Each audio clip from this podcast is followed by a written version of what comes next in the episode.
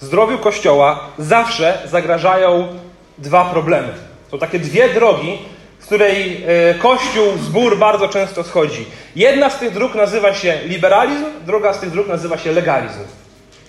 Liberalizm i legalizm. Liberalizm e, polega na odejmowaniu czegoś od Pisma Świętego. To Pismo coś mówi, Pan Bóg nam coś objawił w swoim słowie, ale to nam nie współgra na przykład z dzisiejszą kulturą, z, nie wiem, współczesnymi jakimiś tak zwanymi naukowymi punktami widzenia na przykład. Z, no nie podoba nam się to, więc zastanawiamy się, czy można to jakoś inaczej zinterpretować. Czy jest może jakaś inna możliwość, aby, że tak, tak naprawdę autor tu miał coś innego na myśli. Takimi ludźmi w Nowym Testamencie byli na przykład saduceusze. Saduceusze, oni odrzucali, ym, odrzucali naukę o istnieniu aniołów, odrzucali zmartwychwstanie, dyskutowali z cudami, yy, twierdząc, że no to są rzeczy takie, które gdzieś nie spinają nam się z rozumem, więc odrzucali to, próbowali podpuszczać Jezusa niejednokrotnie, zadając mu jakieś takie pytania, które miałyby wykazywać yy, pewną bzdurność jego twierdzeń. Jezus zawsze potrafił sobie z tym poradzić. Więc oni próbowali z Pisma Świętego wyrzucić pewne rzeczy, które im się nie podobały. E, drugim poglądem, drugą taką drogę, na którą kościoły często wchodzą, jest legalizm, czyli jest dodawanie czegoś do tego, co powiedział Pan Bóg.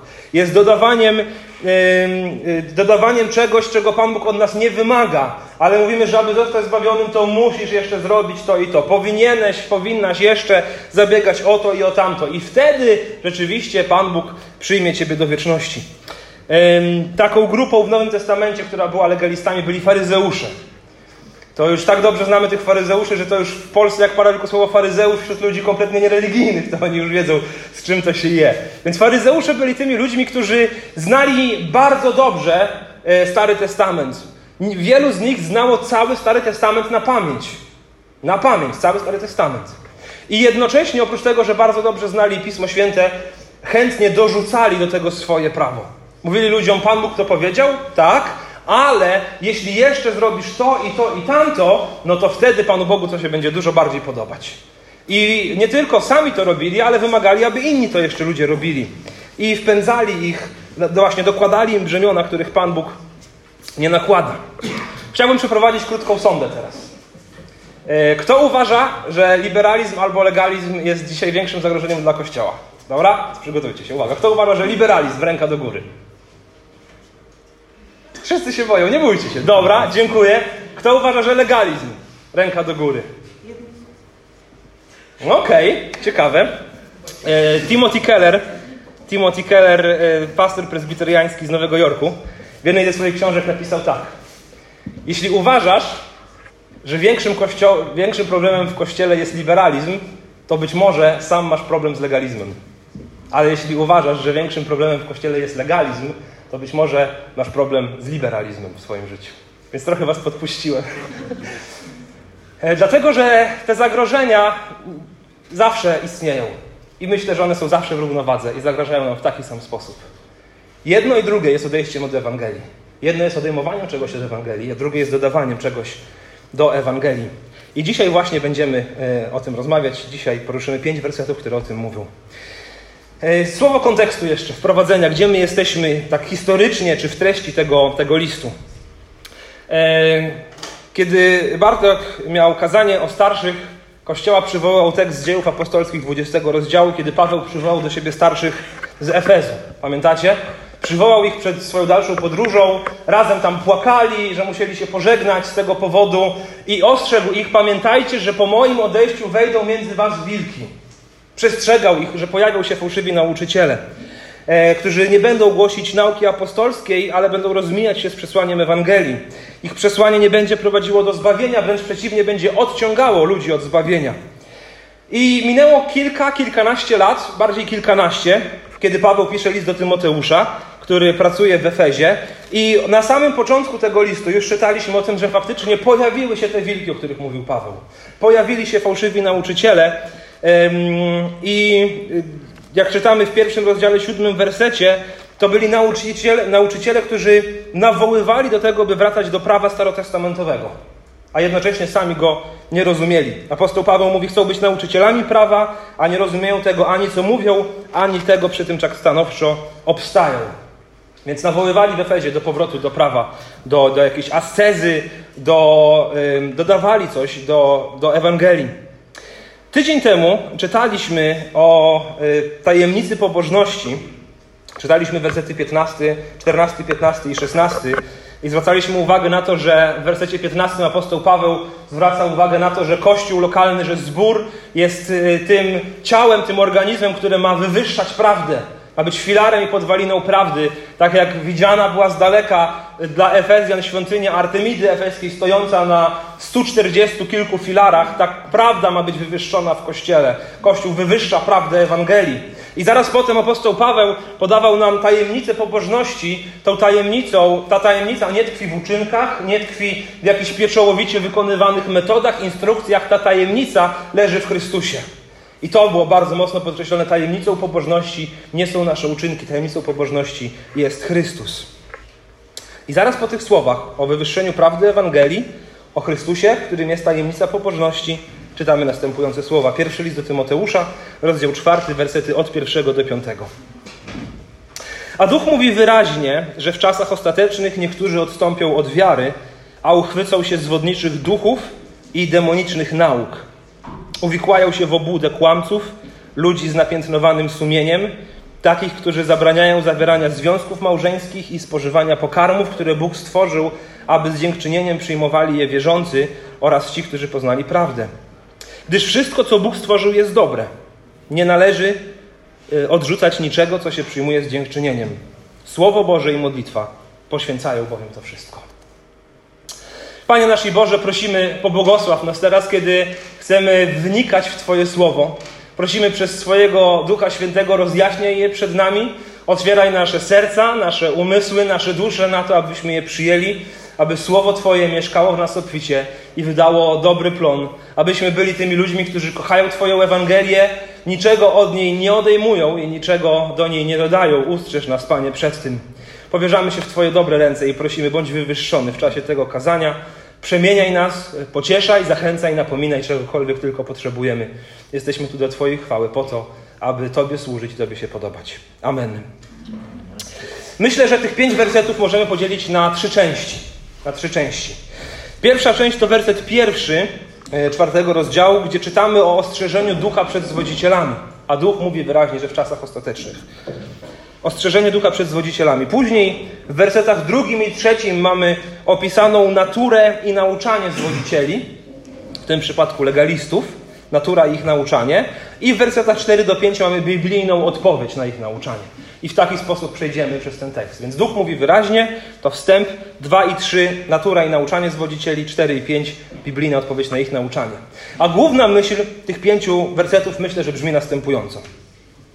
Paweł mówi Tymoteuszowi, że Duch Święty przestrzega przed zwodzicielami, którzy przekręcają biblijne nauczanie w kwestii zbawienia. Odpowiedzią na ich nauki jest świadomość Bożego planu i chrześcijańskiej wolności zakorzeniona w dziękczynieniu, słowie i modlitwie. Werset pierwszy. A Duch mówi wyraźnie, że w czasach ostatecznych niektórzy odstąpią od wiary.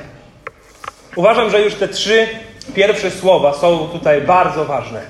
A Duch mówi wyraźnie. Mowa tu oczywiście o Duchu Świętym, trzeciej osobie Trójcy Świętej. I nie jest jasne, y, z tego wersetu w jasny sposób nie wynika, w jakim sensie ten Duch mówi o tym. Y, czy to przez proroków obecnych w czasach działalności pierwszego Kościoła, czytamy o kilku takich prorokach i prorokiniach w Nowym Testamencie, czy to przez jakieś prorockie objawienie, które miał apostoł Paweł, czy też, i do tego skłaniam się najbardziej, jest to odniesienie do słów Pisma Świętego. Dlatego, że w Starym Testamencie czytamy już o tym, jak w Izraelu funkcjonowali fałszywi nauczyciele czy fałszywi pasterze. Kilka ksiąg starotestamentowych o tym mówi bardzo dobrze, że są fałszywi pasterze, którzy zamiast troszczyć się o Boży lud, tak naprawdę zwodzą ten lud na manowce. I Pan Bóg nie mówi tam, że ich działalność się skończy. Raczej widzimy, że oni będą zawsze funkcjonować, ale mamy też zapowiedź tego, że Pan Bóg ich osądzi. Potem idziemy do Ewangelii I w każdej z, Ewangelii mamy zapis tego, jak Jezus wypowiada się e, na tematy Jemu współczesnej, na tematy przyszłości i również mówi o tym, że pojawią się zwodziciele, pojawią się fałszywi nauczyciele, aby jeśli to możliwe, zwieść nawet wybranych. Taki mamy werset w Ewangelii Mateusza, w Ewangelii Marka. I co ciekawe, w czasach, kiedy spisywany był pierwszy list do Tymoteusza, trzy Ewangelie Mateusza, Marka i Łukasza już funkcjonowały. Były już napisane. Jestem przekonany, że Tymoteusz znał dobrze Ewangelię Łukasza, bo to spisywał jego przyjaciel. E, pierwsza powstała Ewangelia Marka, w międzyczasie gdzieś Mateusz.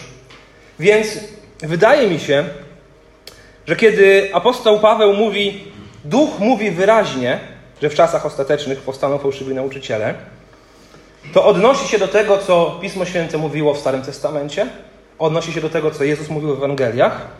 I zobaczcie, nie jest napisane duch mówił. On mówi duch mówi wyraźnie. Podobnie zresztą w piątym rozdziale tego listu, w wersecie 18, czytamy taki werset, gdyż Pismo mówi mucącemu bydlęciu nie zawiązuj pyska oraz robotnik jest zgodny swojej zapłaty. To jest cytat z Księgi Powtórzonego Prawa. Apostoł Paweł nie napisał, pamiętasz jak pismo mówiło? On mówi, pismo mówi. Teraz, dzisiaj. Duch mówi, używając tego pisma. Teraz, dzisiaj. Więc drodzy, zobaczcie, jak niesamowite jest przesłanie biblijne. Przesłanie biblijne, ta Biblia, która powstawała mniej więcej przez półtora tysiąca lat. Ostatnia księga, księga objawienia, spisana prawie dwa tysiące lat temu. To przesłanie jest wiecznie aktualne. Ono nie mówiło tylko do pierwotnych odbiorców, do których było napisane. Ono mówi. I Duch Święty używa tego, aby mówić, a Duch mówi wyraźnie. Kochani, ceńmy te słowa, chłońmy te słowa, chrońmy te słowa, Odnośmy je do siebie i do naszej sytuacji. Tak samo jak były one aktualne w momencie, kiedy Paweł pisał do Tymoteusza pod natchnieniem Ducha Bożego, tak samo są aktualne również dla nas i dziś. A Duch mówi wyraźnie. Więc drogi bracie, droga siostro, drogi przyjacielu, Bóg chce Ci coś powiedzieć. Jego Duch chce Ci coś powiedzieć. Weź tę księgę i czytaj. W tym przypadku czytamy że Duch mówi wyraźnie, że w czasach ostatecznych niektórzy odstąpią od wiary. Czasami spotykam się z takim pytaniem, kiedy odwiedzam różne zbory, konferencje, czasami różni chrześcijanie gdzieś do mnie piszą e, przez internet i pytają się, kiedy będą czasy ostateczne? I za każdym razem moja odpowiedź jest taka sama. Czasy ostateczne już są. Mniej więcej od 2000 lat. Czasy ostateczne to ten okres w historii świata od zmartwychwstania Chrystusa do Jego powtórnego przyjścia. Wiem, że jak na czasy ostateczne to są dosyć długie czasy, ale tak sobie zaplanował Pan Bóg. Już w pierwszym kościele o tym dyskutowano. Pamiętacie? Piotr odpowiada, że niektórzy szydzą i mówią, gdzieś jest to przyobiecane przyjście Pana, tak jakby właśnie wątpili je, bo Chrystus nie przychodzi. Biblia mówi bardzo wyraźnie, że czasy ostateczne istnieją od zmartwychwstania Jezusa do, czasów, y, do, do czasu, kiedy Chrystus powróci. Więc w tym fragmencie przecież apostoł Paweł, kiedy mówi, Duch mówi wyraźnie, że w czasach ostatecznych niektórzy odstąpią od wiary, on nie mówi o przyszłości. On mówi o ich zmaganiach, jakie oni tutaj mieli y, w Efezie mniej więcej w roku 60. Kiedy dostaję to pytanie, kiedy będą czasy ostateczne, no to zazwyczaj rozumiem intencję, tak? Ta intencja kręca się nad tym pytaniem brzmi, kiedy wróci Chrystus? Ale znowu ym, za tą intencją moim zdaniem często idzie pewne niezrozumienie. No bo jeśli bym odpowiedział, Chrystus przyjdzie w piątek o 13.20, to to teraz co ta osoba zrobi? Co nagle stwierdzi, no nie, no to jak w piątek, no to muszę zacząć dbać o swoją świętość.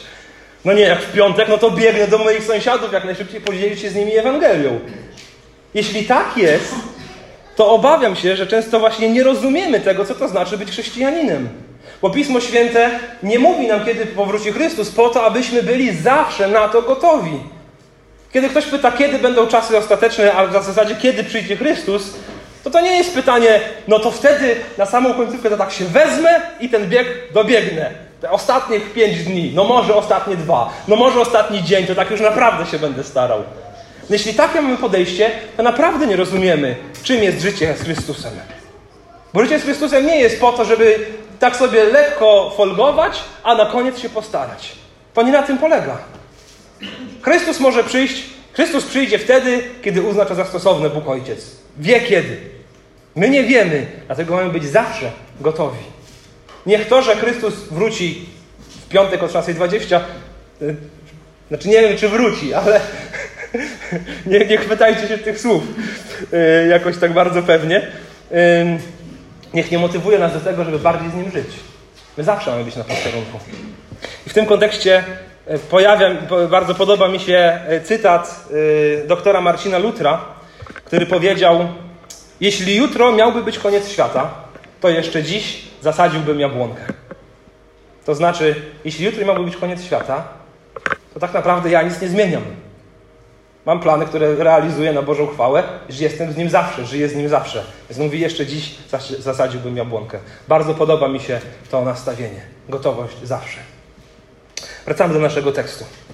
A Duch mówi wyraźnie, że w czasach ostatecznych niektórzy odstąpią od wiary, a uchwycą się zwodniczych duchów i demonicznych nauk.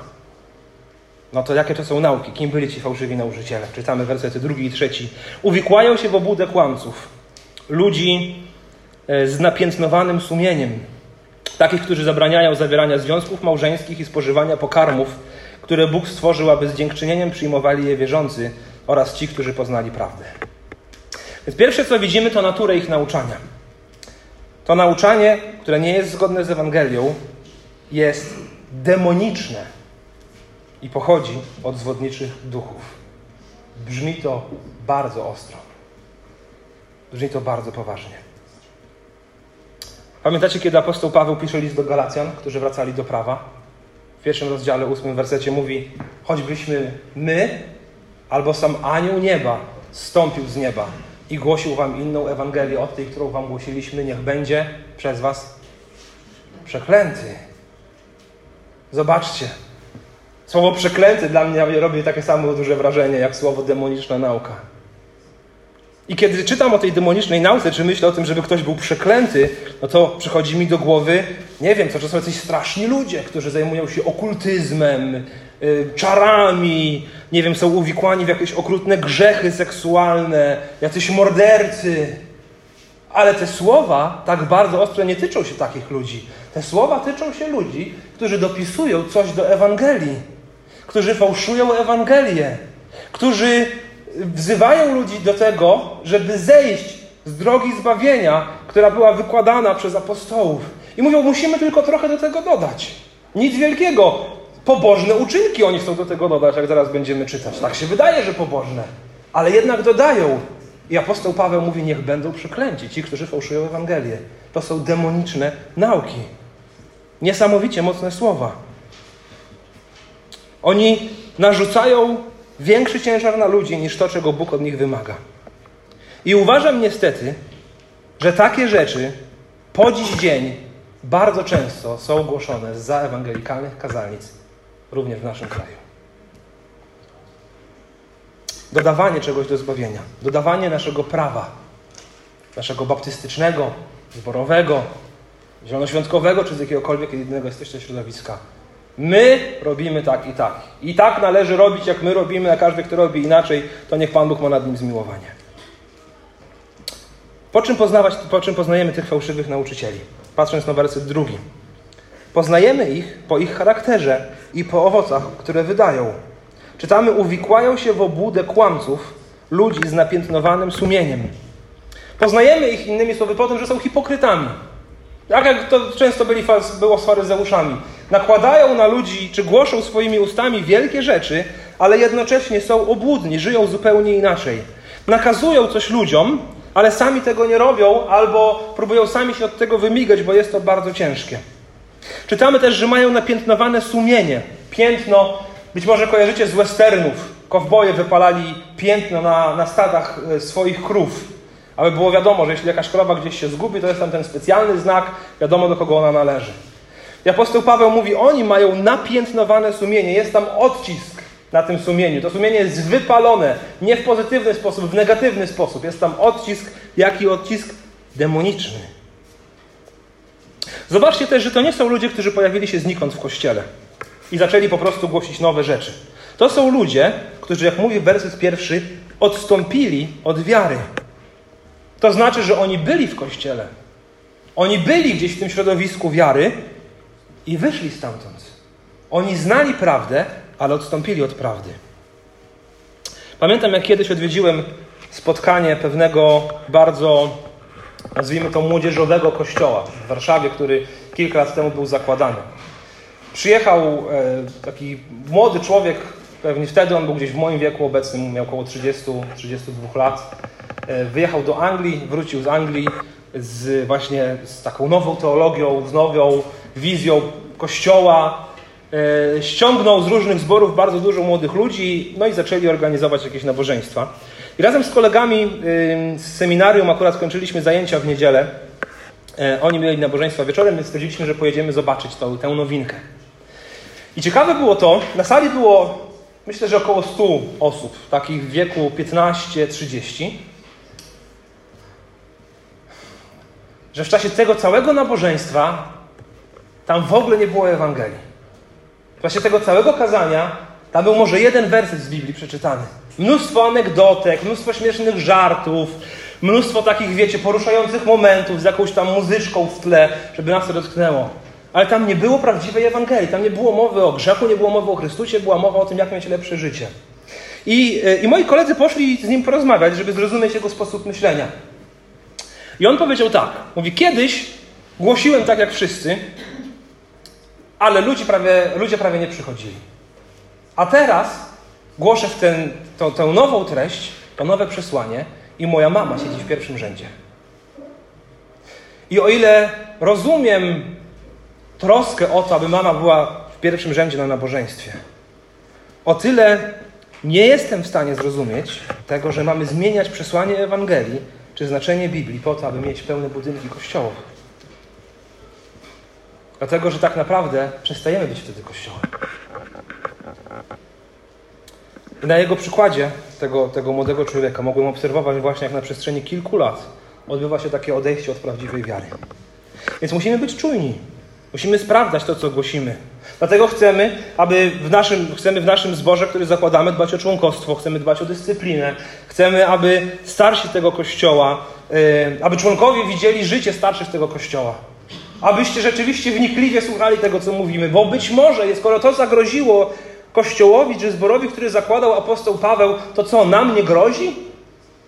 To ja jestem mądrzejszy od tych starszych z Efezu, którzy widzieli apostoła Pawła, może niektórzy nawet widzieli Chrystusa, słyszeli innych apostołów. Jeśli oni zeszli z tej drogi, to przecież mi też to zagraża.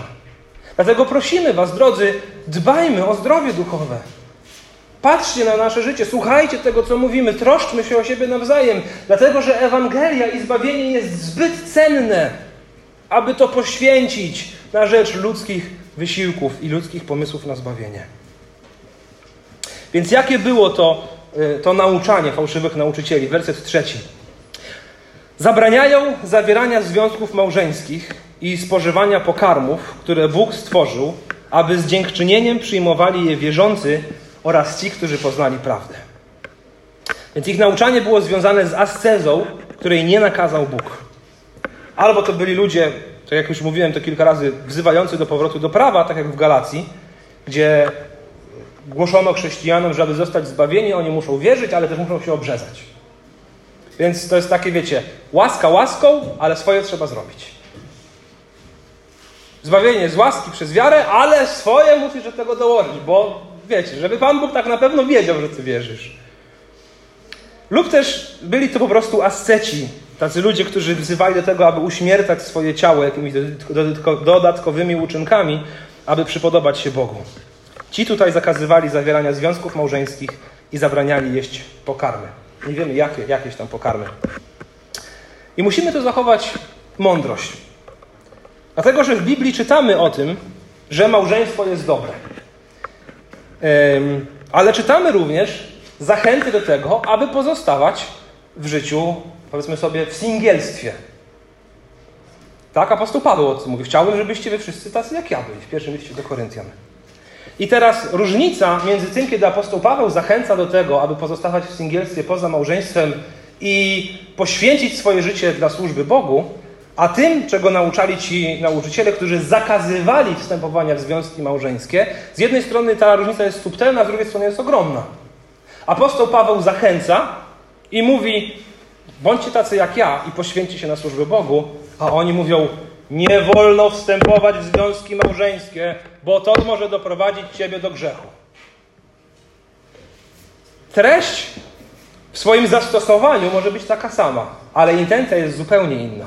Jedno jest wezwaniem do dobrowolnego poświęcenia się dla Boga, drugie jest nakazem. Musisz to zrobić. Przypodobać się Bogu swoją gorliwością. Podobnie zakazują oni spożywania jakichś pokarmów. I znowu, z perspektywy Nowego Testamentu wiemy o tym doskonale, że chrześcijanie nie są pod żadnym zakonem regulującym, co mogą, a czego nie mogą jeść. Pamiętacie, kiedy Piotr miał sen, kiedy Bóg go wysłał do Korneliusza, tam pojawiła się płachta ze zwierzętami różnego rodzaju, również tymi uznawanymi za nieczyste w Starym Testamencie. Pan Bóg mówi, to jest piękny werset biblijny, Piotrze, wstań, zabijaj i idź. Co Bóg uznał za czyste, ty nie uznawaj za nieczyste. Jednocześnie, chociaż mamy wolność ku temu, Biblia zachęca nas również do postu. Ale jest różnica pomiędzy zachęcaniem do postu, a mówieniem musisz pościć dwa razy w tygodniu. To faryzeusze tak dwa razy w tygodniu pościli. I nic nie możesz jeść, aby podobać się Bogu. Zastosowanie jest takie samo. Nie jeść. Ale intencja jest zupełnie inna. Jedno jest prawem, drugie jest wezwaniem do czegoś. Postu? Po co do postu? No dla poświęcenia się bardziej modlitwie. Natomiast oni wzywają do postu, no taki jest kontekst, aby przypodobać się Bogu. Więc nakazywanie czegoś komuś, mówiąc, że Bóg tak kazał, jest dodawaniem czegoś do zbawienia. Nawet jeśli w niektórych aspektach Biblia tak rzeczywiście mówi. Ale nakazywanie tego, tak, w tym, w czym mamy wolność, jest, y, jest inną drogą zbawienia. Zbawienie nigdy nie było z uczynków. I nigdy nie było z przestrzegania przekazań. W Starym Testamencie też nie było z uczynków. Abraham został usprawiedliwiony przez wiarę. Pamiętacie? Mojżesz również przez swoją wiarę. List do Hebrajczyków mówi o tym, jak, jak ci bohaterowie Starego Testamentu byli usprawiedliwieni z wiary, nie z uczynków. Uczynki i przykazania nigdy nie były po to, aby ludzi doprowadzić do zbawienia. Rzymian 3,20. Dzięki czynom nakazanym przez prawo nikt nie dostąpi przed nim usprawiedliwienia. Prawo zapewnia po prostu właściwe poznanie grzechu. W miejsce słowa prawa możemy stawić przykazania. Przykazania nikogo nie zbawiają, przykazania po prostu mówią o tym, co jest grzechem. I oczywiście w Biblii czytamy bardzo dużo o tym, by trzymać się z dala od grzechu. Pierwszy list Jana 2, 15 do 17 to chyba taki jeden z moich ulubionych fragmentów, który staram się znać na pamięć i regularnie sobie go przypominać. 1 Jana 2, 15, 17. Nie kochajcie świata ani tego, co go napędza. Kto darzy miłością świat, nie ma w nim miłości Ojca. Bo to wszystko, co steruje światem, rządze ciała, rządze oczu oraz pycha życia, nie pochodzi od Ojca, to należy do świata. Biblia bardzo jasno mówi o grzechu i bardzo jasno mówi o tym, aby grzechu się wystrzegać, ale jednocześnie bardzo łatwo nam jest coś dorzucać do tej listy i wzywać ludzi do tego, że tylko jeszcze to musisz zrobić, bo my uważamy, że trzeba tak i tak. I liczymy na to, że nasza gorliwość bardziej spodoba się Bogu, kiedy dorzucimy od siebie coś gratisowo, żeby Jemu zaimponować. Znowu, te, te zasady tego, że, że zastosowanie jest takie samo, ale intencje są zupełnie inne, albo że jest coś, co jest dobre, a można to wykorzystywać do złego, tak jest bardzo często. Tak jest na przykład z małżeństwem, czy z seksem, Seks jest błogosławieństwem, jest wspaniały, jest dobry, jest święty, jeśli jest zarezerwowany dla małżeńskiej sypialni. Poza tym kontekstem jest on grzechem. Jedzenie jest błogosławieństwem, daje radość, odżywia, ale obżarstwo jest grzechem. To, co jest dobre, może prowadzić do tego, co jest złe. Można iść dalej. Odpoczynek i sen są czymś dobrym. Musimy odpoczywać, aby dobrze funkcjonować, ale lenistwo jest grzechem. Wino jest dobre. Czytamy w Biblii, że Bóg dał nam je, aby rozweselało serce. Jezus przychodzi na wesele i nie zamienia tam wina w wodę, zamienia tam wodę w wino, aby podtrzymać radość na weselu. Ale pijaństwo jest grzechem. I tak rzeczy, które mogą, są stworzone ku dobremu, owszem, mogą prowadzić do złego. I tu jest potrzebna nasza pewna taka czujność w tym, abyśmy z naszej gorliwości nie odrzucali tego, co dobre, ale jednocześnie, abyśmy tego, co dobre, nie wykorzystywali też do złego. Dam Wam pewien przykład. Widziałem kiedyś w jednym ze zborów kilka lat temu taką scenkę, e, kiedy to w kaplicy siedział nastolatek w czapce na głowie. To taki zbór dosyć konserwatywny, więc tam nie, nie wypadało tego robić. Ale kiedy szedł przez korytarz, pewien starszy w wierze i w wieku brat podszedł do niego i zerwał mu tą czapkę z głowy. I mówi: Nie wiesz, że jesteś w kościele, tu nie wolno siedzieć w czapce. Widziałem to na własne oczy, stałem gdzieś tam obok. Ten chłopak wyrwał mu tą czapkę z ręki, wyszedł z kaplicy i nigdy do niej nie wrócił. I teraz rozumiem gorliwość tego starszego brata o dobry i kulturalny ubiór na nabożeństwie. Mówiliśmy o tym zresztą kilka tygodni temu w kontekście kobiet w Efezie, które tam właśnie w zły sposób z tego korzystały. Ale kto w tym przypadku naprawdę zgrzeszył? Ten młody chłopak, czy ten starszy człowiek, który w swej gorliwości o dobre rzeczy tak naprawdę pogrzebał bardzo dużo rzeczy, które mogły się dobrze tam wydarzyć z tym młodym człowiekiem. Bardzo łatwo jest przekroczyć granicę pomiędzy gorliwością i troską o świętość, a grzechem faryzeizmu. Pamiętam, jak jeszcze nawet 25 lat temu z baptystycznych zborów na wschodzie e, ludzie bywali wyłączeni, pozbawiano ich członkostwa, wyłączeni dyscyplinarnie za chodzenie do kina, za słuchanie muzyki rockowej czy za tańczenie. I każda z tych rzeczy, owszem, może prowadzić do grzechu, ale sama w sobie nie jest grzechem. A jednak w naszych zborach tak czyniono, wyłączano za to ludzi z kościoła. A kiedy tak się dzieje, że my te rzeczy, których Bóg nie nazywa grzechem, nazywamy grzechem, to wiążemy zbawienie ludzi z prawem. A ten fragment mówi o tym, że kiedy tak się dzieje, to jest to demoniczna nauka. I my, którzy jesteśmy konserwatywnymi, ewangelikalnymi chrześcijanami, w głosowaniu to wyszło, co uważamy, że jest większym zagrożeniem. Większość rąk mówiła o liberalizmie. Naprawdę musimy badać swoje serce w tym zakresie. To jest fragment. Bardzo się cieszę, że Pan Bóg go tutaj umieścił, że możemy go dzisiaj omawiać. My tego naprawdę potrzebujemy.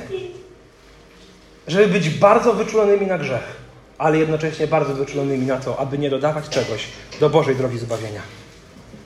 Jaka zatem jest biblijna, chrześcijańska odpowiedź na nauczanie tych, tych fałszywych nauczycieli? Werset czwarty i piąty. Gdyż wszystko, co Bóg stworzył, jest dobre. Nie należy odrzucać niczego, co się przyjmuje z dziękczynieniem. Słowo Boże i modlitwa poświęcają bowiem to wszystko. Więc wszystko, co stworzył Bóg, jest dobre. To cytat z Księgi Rodzaju, pierwszego rozdziału, kiedy Bóg zakończył proces stworzenia świata i nazwał wszystko dobrym. Czytamy: Wszystko, co stworzył Bóg, jest dobre. Nie należy odrzucać niczego, co się przyjmuje z dziękczynieniem. Słowo Boże i modlitwa poświęcają bowiem to wszystko. Trzy bardzo praktyczne rzeczy, których możemy się uchwycić, aby badać nasze serce w kontekście rzeczy, których, o których Pismo Święte się jasno nie wypowiada, w których mamy pewną wolność i one mogą nas doprowadzić do czegoś dobrego, ale mogą też nas doprowadzić do grzechu. Trzy bardzo dobre, bardzo praktyczne zasady. Po pierwsze, nie należy odrzucać niczego, co się przyjmuje z dziękczynieniem. Czy ta rzecz, co do której nie masz może do końca pewności, jak się zachować. Czy jesteś w stanie przyjąć to z dziękczynieniem? Na przykład nie wyobrażam sobie, jak ktoś, kogo zmuszono do bezżeństwa, czy do celibatu, tak jak robili to fałszywi nauczyciele, ktoś, kogo zmuszono do tego, pozostawał w tym stanie i dziękował Bogu za to, że jest samotny. Rozumiecie? Apostoł Paweł był wdzięczny za to Bogu, dlatego że to była jego decyzja. Jego świadoma decyzja, że on chce się poświęcić swoje życie w taki sposób Bogu. Nie, nie, nie wierzę, że po, po jakimś czasie, po kilku latach ktoś dziękowałby za to Bogu, że nie ma, że jest samotny yy, i jednocześnie tęsknił za jakąś drugą połówką. To tak nie, nie wygląda. Ten celibat, jeśli on jest prawdziwy i szczery faktycznie dla Boga, to będzie przyjmowany z dziękczynieniem. Ale jeśli on jest narzucony, to nigdy tam nie będzie dziękczynienia, tylko pewna tęsknota. Więc trzymając się tej analogii, albo dając jeszcze bardziej jaskrawy obraz, myślę, że ludzie, którzy są w małżeństwie ze szczerego serca, mogą dziękować Bogu za małżeństwo i za mnóstwo dobrych rzeczy, które ich tam spotykają. Ale czy, jaki czy jakikolwiek chrześcijanin jeśli nie daj Boże wpadłby w grzech cudzołóstwa, wyrażałby Bogu wdzięczność za to, że ma romans. Nie. I to już bardzo jasno świadczy o tym, że to jest absolutny grzech. Jeśli nie da się tego czegoś przyjąć z dziękczynieniem, to zostaw to, bo to nie jest dobre. Po pierwsze, czy to, co mam przyjąć, mogę to przyjąć z dziękczynieniem. Po drugie, czytamy Słowo Boże i modlitwa poświęcają to wszystko. Więc zadajmy sobie pytanie, co na ten temat mówi Biblia? Wypowiada się ona na mnóstwo tematów. Apostoł Paweł w listach do Koryntian i w liście do Rzymian poruszał sprawy czystości posiłków. I pokazał tam pewną zasadę, której powinniśmy się trzymać. Kiedy powiedział o tym, że tak naprawdę nie chodzi o listę, czy można jeść jakieś tam mięso poświęcone bożkom, czy nie. Chodzi o intencję naszego serca. I Boże Słowo bardzo dużo o tym mówi, o intencji naszego serca. Więc apostoł Paweł mówi: Wiemy, że nie ma innych bożków, nie ma innych bogów, jest tylko jeden Bóg. I to mięso poświęcone bałwanom, jak jesteś stabilny w wierze, to mówi: jedźcie i o nic nie pytajcie, co wam podadzą. Ale jeśli byłby tam ktoś słaby w wierze, kto niedawno wyszedł e, od, z tego kultu pogańskich bogów, to uważajcie aby go z powrotem do tego nie wprowadzić, bo kiedy on zobaczy ciebie, że ty źle korzystasz z wolności chrześcijańskiej, może chcieć tam wrócić. I to jest zasada, o której mówi Pismo Święte. Wszystko mi wolno, ale nie wszystko jest pożyteczne. Wszystko mi wolno, ale ja nie dam się niczemu zniewolić. Więc czytajmy Boże Słowo, aby je poznawać, co ono mówi w kontekście grzechu i co ono mówi w kontekście korzystania z naszej wolności e, chrześcijańskiej. Wszystko mi wolno, nie wszystko jest pożyteczne, wszystko mi wolno, nie dam się niczemu zniewolić. Chcę badać swoje serce, aby zobaczyć, dlaczego coś robię. Czytajmy pieczołowicie Boże Słowo, aby pojąć Boży plan i oddawać Bogu chwałę w naszym zachowaniu, nie będąc zgorszeniem, a raczej zachętą dla innych. I trzecia zasada. Słowo Boże i modlitwa poświęcają to wszystko. Czy to, co mam zamiar zrobić, czy to, w co mam zamiar się zaangażować, mogę rozpocząć i zakończyć modlitwą? I tu nie chodzi o modlitwę pokutną. Czy to, co mam zamiar zrobić, to się zaangażować, mogę rozpocząć i zakończyć modlitwą. I to jest bardzo dobra zasada, bo pokazuje nasze nastawienie. Postawienie sobie pytania, czy rzeczywiście robię to po to, aby Pan mógł był w tym wywyższony. Czy rzeczywiście robię to po to, aby Jemu e, dziękować, czy też raczej jak ci fałszywi nauczyciele rozmijam się z dobrym e, sumieniem. I oczywiście stosując te trzy zasady, czy mogę to przyjąć z wdzięcznością, co o tym mówi Boże Słowo, i czy mogę rozpocząć i zakończyć to modlitwą, poświęcić to w modlitwie, jest pewne ryzyko, że wciąż możemy wpaść w błąd, że możemy znieczulić swoje sumienie, że możemy wykręcić Boże Słowo, ale uważam, że te trzy zasady zdecydowanie minimalizują to ryzyko. Więc trzymajmy się ich. Trzymajmy się ich. Jak to wygląda w praktyce? Chętnie podzielę się z Wami trzema przykładami z mojego życia. Nie, nie uznaję siebie specjalnie za jakiś wielki autorytet w tej kwestii, ale lubimy praktyczne przykłady, więc wybrałem jakieś takie trzy, w których wydaje mi się, że idzie mi w miarę dobrze, więc, więc nie będzie chyba wstydem, ani nie będzie hipokryzja, jeśli o nich powiem. Na przykład, nie jestem specjalnie dobry w tańcu, ale lubię tańczyć z moją żoną. I jak chodzimy na wesela, tańczymy. Jak jest pierwszy taniec i potem trzeba się dołączyć do tańca, tańczymy. Czasami idzie nam to bardzo dobrze, czasami mi idzie zdecydowanie gorzej, ale mam taką zasadę, że nie tańczę z innymi kobietami. Może z panną młodą, ale nie tańczę z innymi kobietami. Dlatego, że to do niczego dobrego raczej nie doprowadzi. A już na pewno nie wyobrażam sobie pójść do klubu jakiegoś tanecznego, na jakąś dyskotekę, rozumiecie, i tam sobie oglądać to, co się dzieje. Więc wiem, że są miejsca, w których tańczenie może być bardzo złe. I samo myślenie, czy samo przebywanie, nawet nie robienie tego, ale przebywanie w takim miejscu. Ale samo w sobie, kiedy tańczę z moją żoną, dla mnie jest to wspaniałe, dla niej może trochę mniej. Buduje nasze małżeństwo. Druga zasada. Nie spotykam się nigdy z innymi kobietami bez wiedzy mojej żony.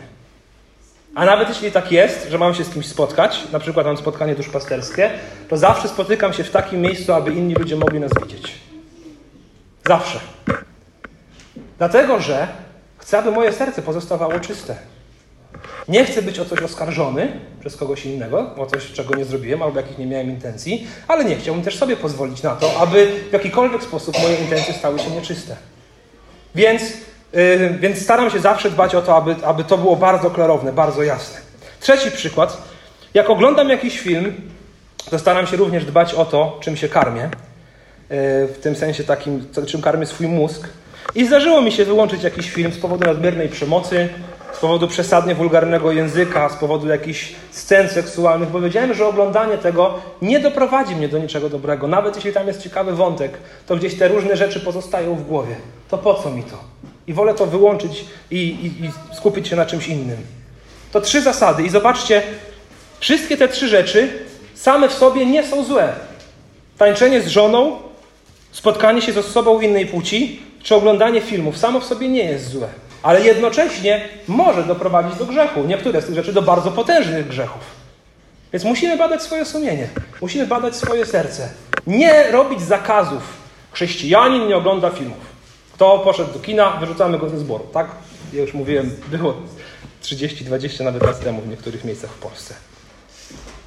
Zadajmy sobie pytanie, czy mogę to przyjąć z wdzięcznością, co na ten temat mówi Boże Słowo, czy mogę się przed tym i po tym pomodlić.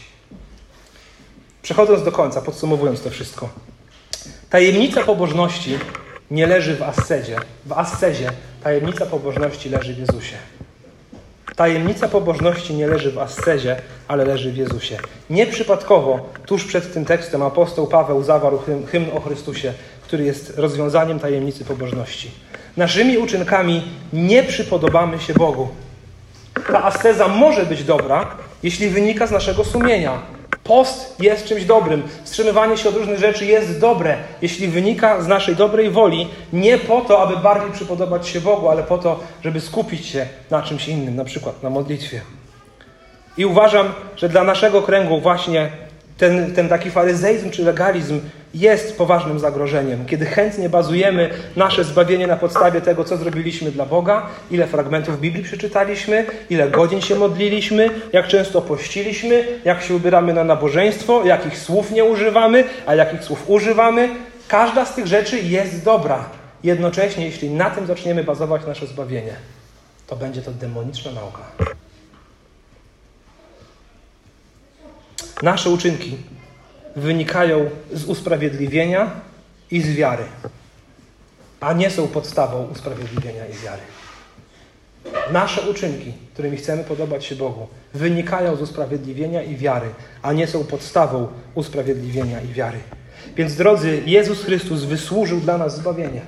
Jezus Chrystus oddał swoje życie dla Bożej chwały i naszego zbawienia. Nie próbujmy nic dopisać od siebie do Jego ofiary. Kiedy tak się dzieje, to to wygląda jak jakaś piękna książka ze wspaniałą treścią, zachwycającą treścią, pięknie i cudownie wydana, a my bierzemy jakiś tępy ołówek i na końcu koślawymi literami z błędami ortograficznymi dopisujemy od siebie kilka zdań. To rujnuje całą książkę. Nie róbmy tego, wystrzegajmy się tego. Po drugie, łatwo z tym przeszarżować i wpaść z legalizmu w liberalizm. Łatwo z tym przeszarżować i wpaść z jednego miejsca w drugie. Do tego też nie jesteśmy powołani. Mamy y, tą, tą wolność chrześcijańską mądrze pielęgnować, a łatwo jest ją wykorzystać do grzesznych wymówek, o czym mówiliśmy przy okazji drugiego rozdziału i właśnie tego, y, te, tego problemu, jaki tam był z ubiorem w Kościele. Więc jedno i drugie, legalizm i liberalizm, ostatecznie wskazuje na nas, nie na Boga. Jedno i drugie ostatecznie jest egocentryczne. Liberalizm mówi, ja mogę, a legalizm mówi: Ja zrobiłem. A prawdziwe chrześcijaństwo mówi: Chrystus zrobił. Chrystus jest wspaniały. Dzięki Niemu. Jeśli mogę mieć zbawienie, to tylko dzięki Niemu. Jeśli mogę korzystać z wolności chrześcijańskiej, to tylko dzięki Niemu. To pomóż mi, Panie Boże, zachować w tym mądrość. Obie te drogi wskazują na człowieka, tylko droga Ewangelii wskazuje na Chrystusa. Prawie na każdej konferencji młodzieżowej, jak się pojawiają warsztaty czy seminaria o randkowaniu, o związkach, to pojawia się pytanie, chyba na każdej, bez używam słowa prawie, na każdej, pojawia się pytanie, jak daleko z moim chłopakiem czy z moją dziewczyną możemy się posunąć w fizycznej relacji, żeby to jeszcze nie był grzech? Michał się śmieje, bo jako lider młodzieżowy zna dobrze te pytania. I tak zadane pytanie my też często sobie zadajemy jako dorośli. Trochę w, w innych może kontekstach, ale co, jak daleko mogę się posunąć w tym unikaniu tych podatków, żeby to jeszcze nie był grzech? Jak daleko mogę się posunąć w tym i w tamtym, żeby to jeszcze nie był grzech? Za każdym razem, kiedy stawiamy takie pytanie, to, to chybiamy w ogóle celu w, tym, w samym tym pytaniu. Bo naszym pytaniem nie jest, jak daleko mogę się posunąć, aby to nie był grzech. Naszym pytaniem jest, co mogę zrobić, żeby Chrystus był bardziej wywyższony. Naszym pytaniem, kiedy rozmawiam z tymi młodymi ludźmi, mówię, nie pytajcie się, jak daleko możecie się posunąć w relacji fizycznej, żeby to nie był grzech. Wy się zapytajcie, co możecie wspólnie zrobić, żeby Chrystus był uwielbiony w waszej relacji. My zamiast zerkać na granice i zastanawiając się, jak daleko możemy dojść, powinniśmy biec do do, do centrum naszego życia, którym jest Chrystus, a nie zastanawiać się, jak daleko mogę od Niego odejść, żeby On jeszcze w miarę mnie kochał. Żyjemy w czasach ostatecznych, więc bądźmy zawsze gotowi na przyjście naszego Pana. Pielęgnujmy i wywyższajmy prawdę Ewangelii, strzegąc ją przed fałszywymi nauczycielami, którymi często dla nas samych jesteśmy my. Nie wpadajmy w jedną ani w drugą drogę. Więc główna myśl, jak mówiłem na początku tego tekstu, Paweł mówi Tymoteuszowi, że Duch Święty przestrzegał przed zwodzicielami, czy przestrzega przed zwodzicielami, którzy przekręcają biblijne nauczanie w kwestii zbawienia. Odpowiedzią na ich nauki jest świadomość Bożego planu i chrześcijańskiej wolności zakorzeniona w dziękczynieniu, słowie i modlitwie. Jaka była oczekiwana reakcja Tymoteusza i chrześcijan w Efezie? Co oni mieli z tym zrobić? Wierzę, że tą oczekiwaną reakcją miała być pobożność oparta na Jezusie, wdzięczność za to, co daje Bóg, Słowo Boże i modlitwa, które poświęcają to wszystko. I tego, kochani, się trzymaj. Amen.